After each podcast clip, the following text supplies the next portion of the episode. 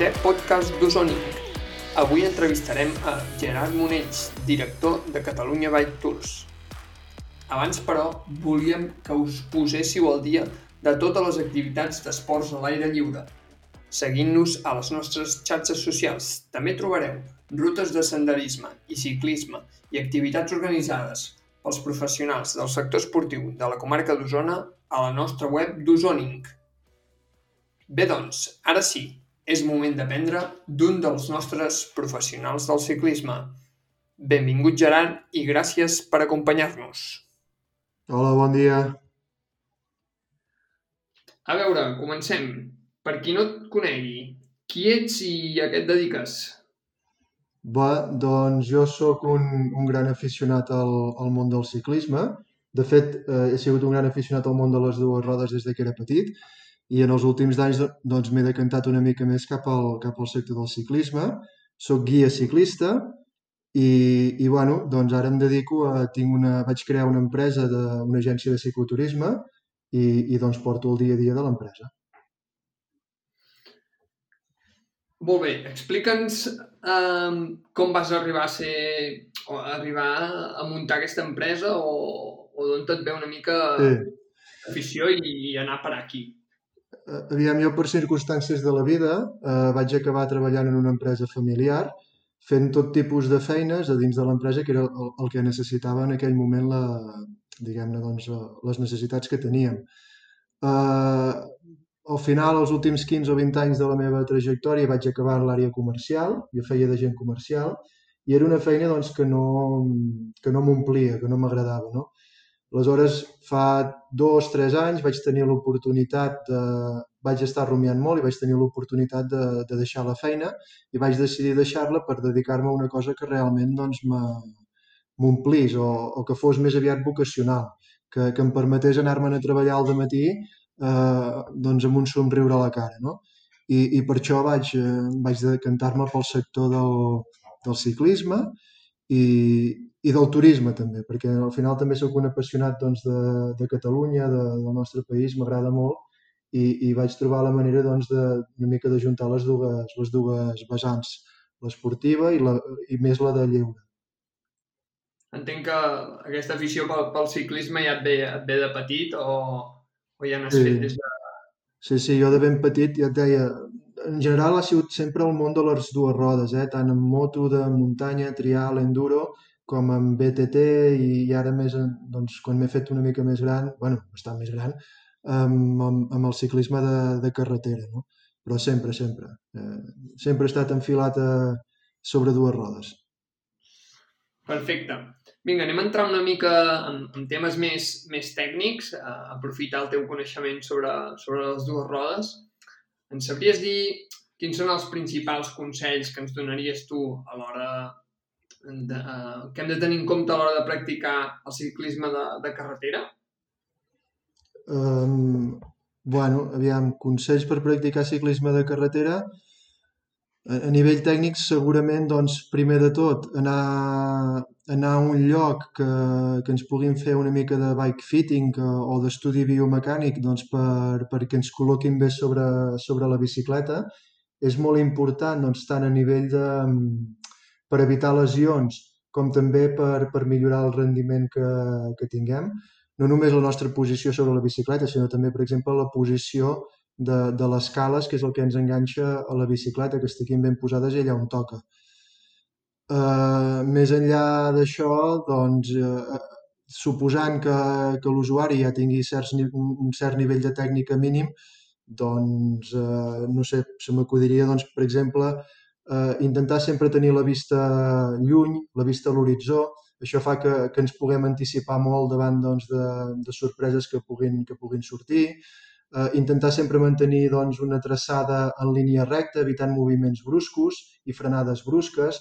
Això sobretot és molt important doncs, si, rodem, si estem rodant en grup i no sé, Mm, ara mateix poder no se me n'acut cap altra, però segur que n'hi ha moltes més. La pedalada, la tècnica de pedalada també és important, sobretot també doncs, a nivell de, de rendiment i, bueno, no sé, més o menys eh, crec que això seria una bona base per començar a nivell tècnic. I entenc que també has fet de BTT, ens has comentat que, que havies anat també amb, amb, amb moto de muntanya, sí. i, i entenc que també deus fer BTT. Sí. Uh, quines diferències o quines són les grans diferències entre, entre la BTT i el ciclisme de carretera? A nivell tècnic o a nivell general, eh? Quin, uh... què, Bueno, la gran diferència, el mateix nom ho diu, eh? Uh, jo crec que la gran diferència és l'entorn. Vale? Quan parlem de, de BTT, eh, ens estem movent en, en l'entorn doncs, del, del medi natural, que, que, que és un entorn que és molt, és molt canviant. És a dir, eh, tu pots estar doncs, en un descens o, o en un ascens i, i, i canviar doncs, molt ràpidament doncs, d'una zona fangosa a una zona més seca, a pedres, arrels... Això fa que eh, sigui necessari tècnicament tenir un control doncs, principalment dels pesos que tu tens a sobre la bicicleta, del, del balanceig del teu cos, de, de, del col·locar el centre de gravetat i tenir unes característiques doncs, de ser capaç doncs, d'improvisar, diguem-ho així. No? Eh, en el ciclisme de carretera l'entorn és molt més estable. Aleshores, això fa que, que sigui, diguem-ne, que sigui molt més assequible a, a nivells doncs, de, de tècnica més, més baixos. És més, és més fàcil i per això també penso jo que en els últims anys ja ha tingut l'increment d'usuaris tan gran que, que ha tingut, perquè és, és, no, tècnicament no és, tan, no és tan complicat, no és tan complex. Bé, i ara que, que deies de, que està una mica en auge la bicicleta, bueno, eh, últimament veiem que, que tothom va amb bicicleta, però també sí. ha sortit eh, bueno, aquestes e-bikes que cada vegada va, van a més. Sí, què, què fa que, que, que tanta gent s'acabi enganxant a, a l'e-bike? Uh, aviam, jo, jo penso que una mica la, les bicicletes elèctriques el que han fet és ajudar a democratitzar una mica el món de, de l'esport i, i, i, i el món del ciclisme en particular. Penso que molta gent que potser no tenia el temps o les ganes de, d'entrenar de, regularment i que això feia que no poguessin agafar o que, no, que se'ls hi fes complicat agafar una bicicleta doncs perquè realment és un esport doncs, que, que requereix de certes condicions físiques. Eh, això ha fet doncs, de que al haver-hi el, el, el suplement elèctric eh, pugui regular i això fa doncs, de que la gent es vegi molt més en cor a l'hora de, de sortir, doncs, de fer una activitat, una activitat física, tot i que pot ser que, doncs, que, que faci temps que no estiguin, no estiguin practicant esport. Jo crec que la, la gràcia de, de, de les bicicletes elèctriques ha sigut aquesta. Ha sigut omplir el ventall d'usuaris que no són específicament esportistes. Molt bé. Aquí ara se m'acudeix perquè també um, hi ha el món de, del gravel, ens, ens podries definir què és el gravel ben bé? Perquè ara està avançant i hi ha com aquesta part intermitja entre BTT i, i ciclisme de, sí, de carretera. Què és ben bé el gravel? O què... Tècnicament no sabria gaire definir-te'l.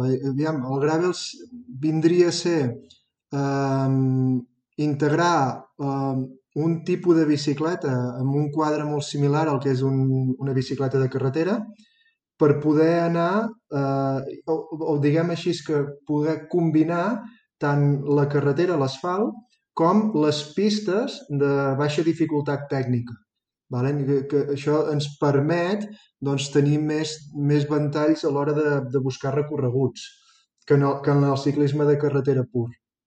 Vale? És, és una mica la barreja de les dues modalitats, però sempre tinguent en compte que les pistes per les que circulen en el medi natural han de ser pistes de baixa dificultat tècnica.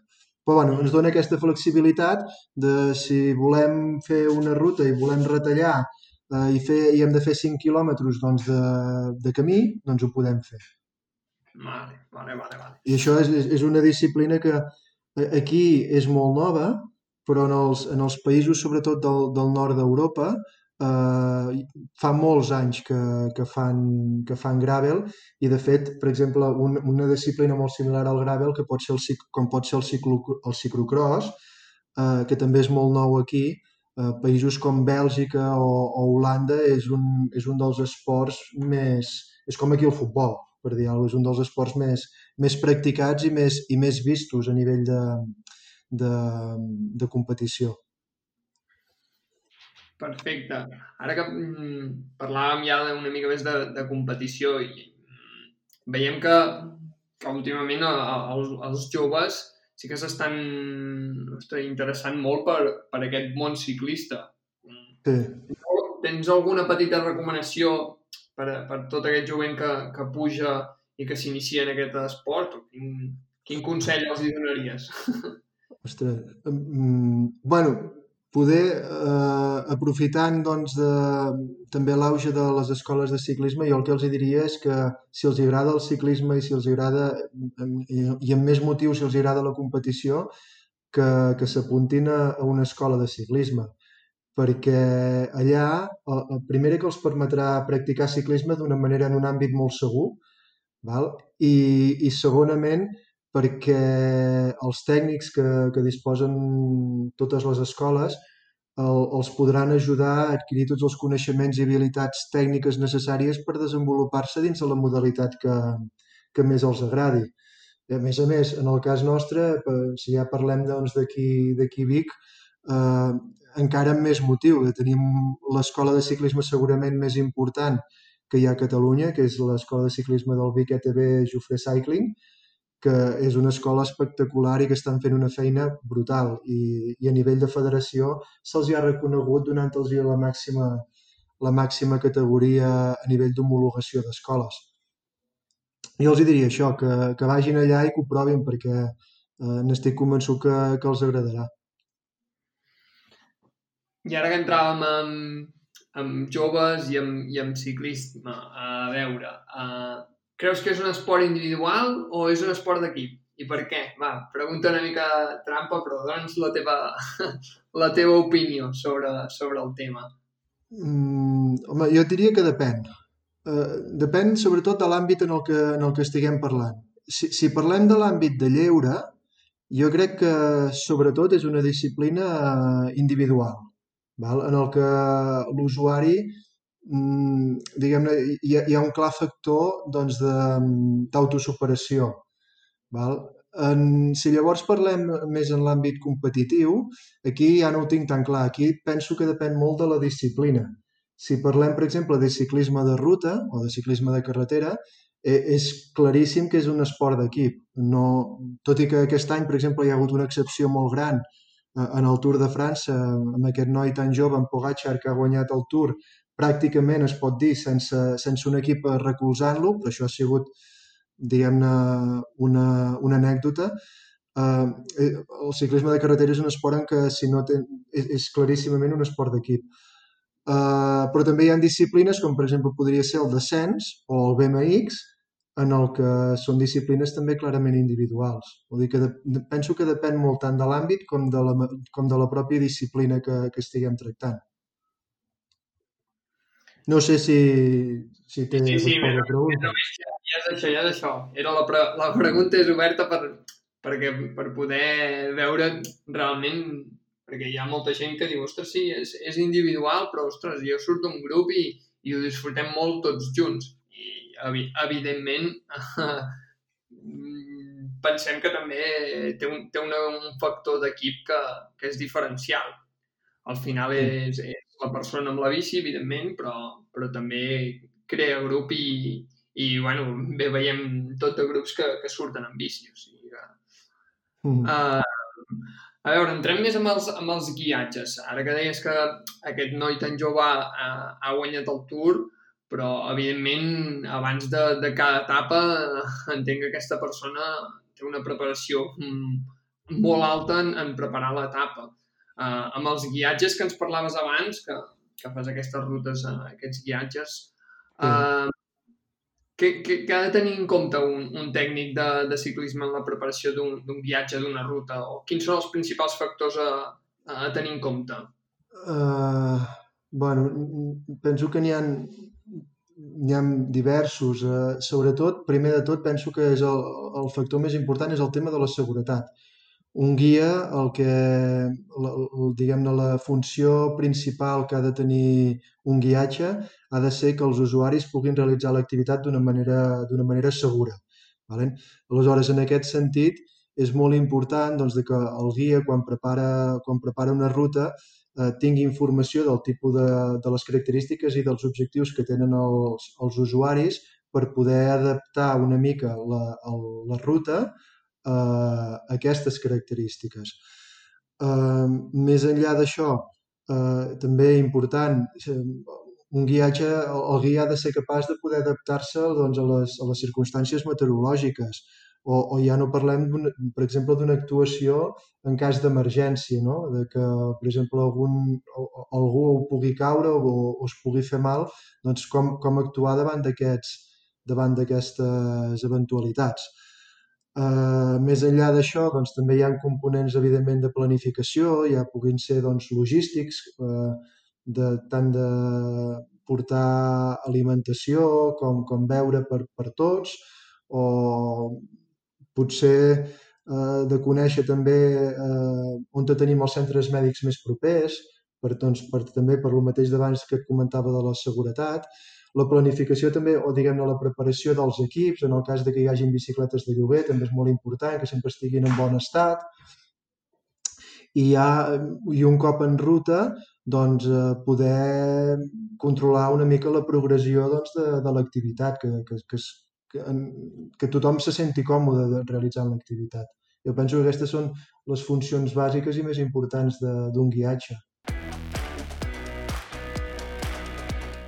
Perfecte, ens parlaves ara de, del, del físic o de, de l'estat de, de, dels usuaris o esportistes amb, amb, qui, amb qui fas la ruta i també amb la bici. Qui, la importància d'una d'una bona bici preval per sobre del físic de l'esportista? Què, què creus? O és, o és al revés?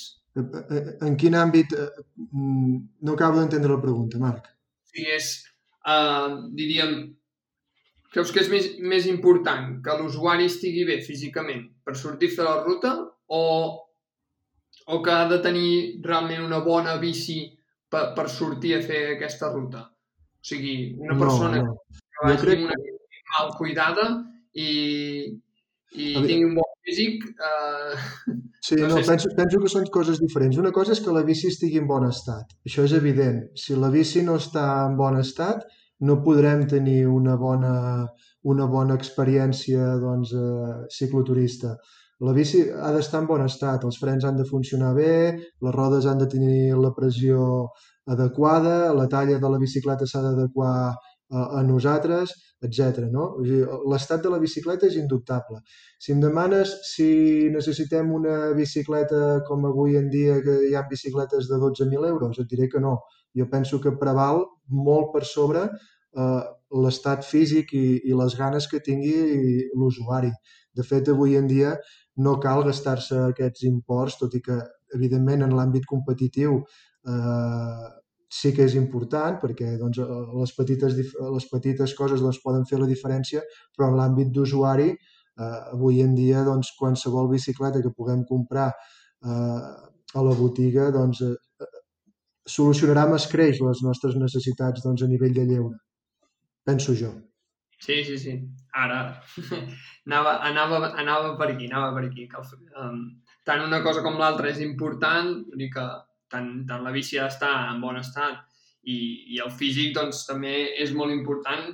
Uh, ja bé, doncs, uh, no qualsevol persona es pot uh, posar a fer qualsevol uh, bestiesa no. amb la Eh? Bueno, això és el, que, és el que comentàvem abans de les bicicletes elèctriques, eh? que precisament la gràcia que tenen és aquesta, que independentment una mica doncs, del, del físic que tu puguis tenir en un moment determinat, doncs et permeten sortir i adaptar una mica doncs, l'esforç que vols fer eh, a, a la ruta, no? Vull dir, I aquesta penso que és la gràcia. Inclús el que permet la bicicleta elèctrica també, que no n'hem parlat abans, és que persones de diferents edats o de diferents entorns, per exemple, una persona molt esportista, o no, no sé, una persona que practiqui ciclisme habitualment, per exemple, que pugui fer una ruta amb una persona doncs, que no hi està tan avasada.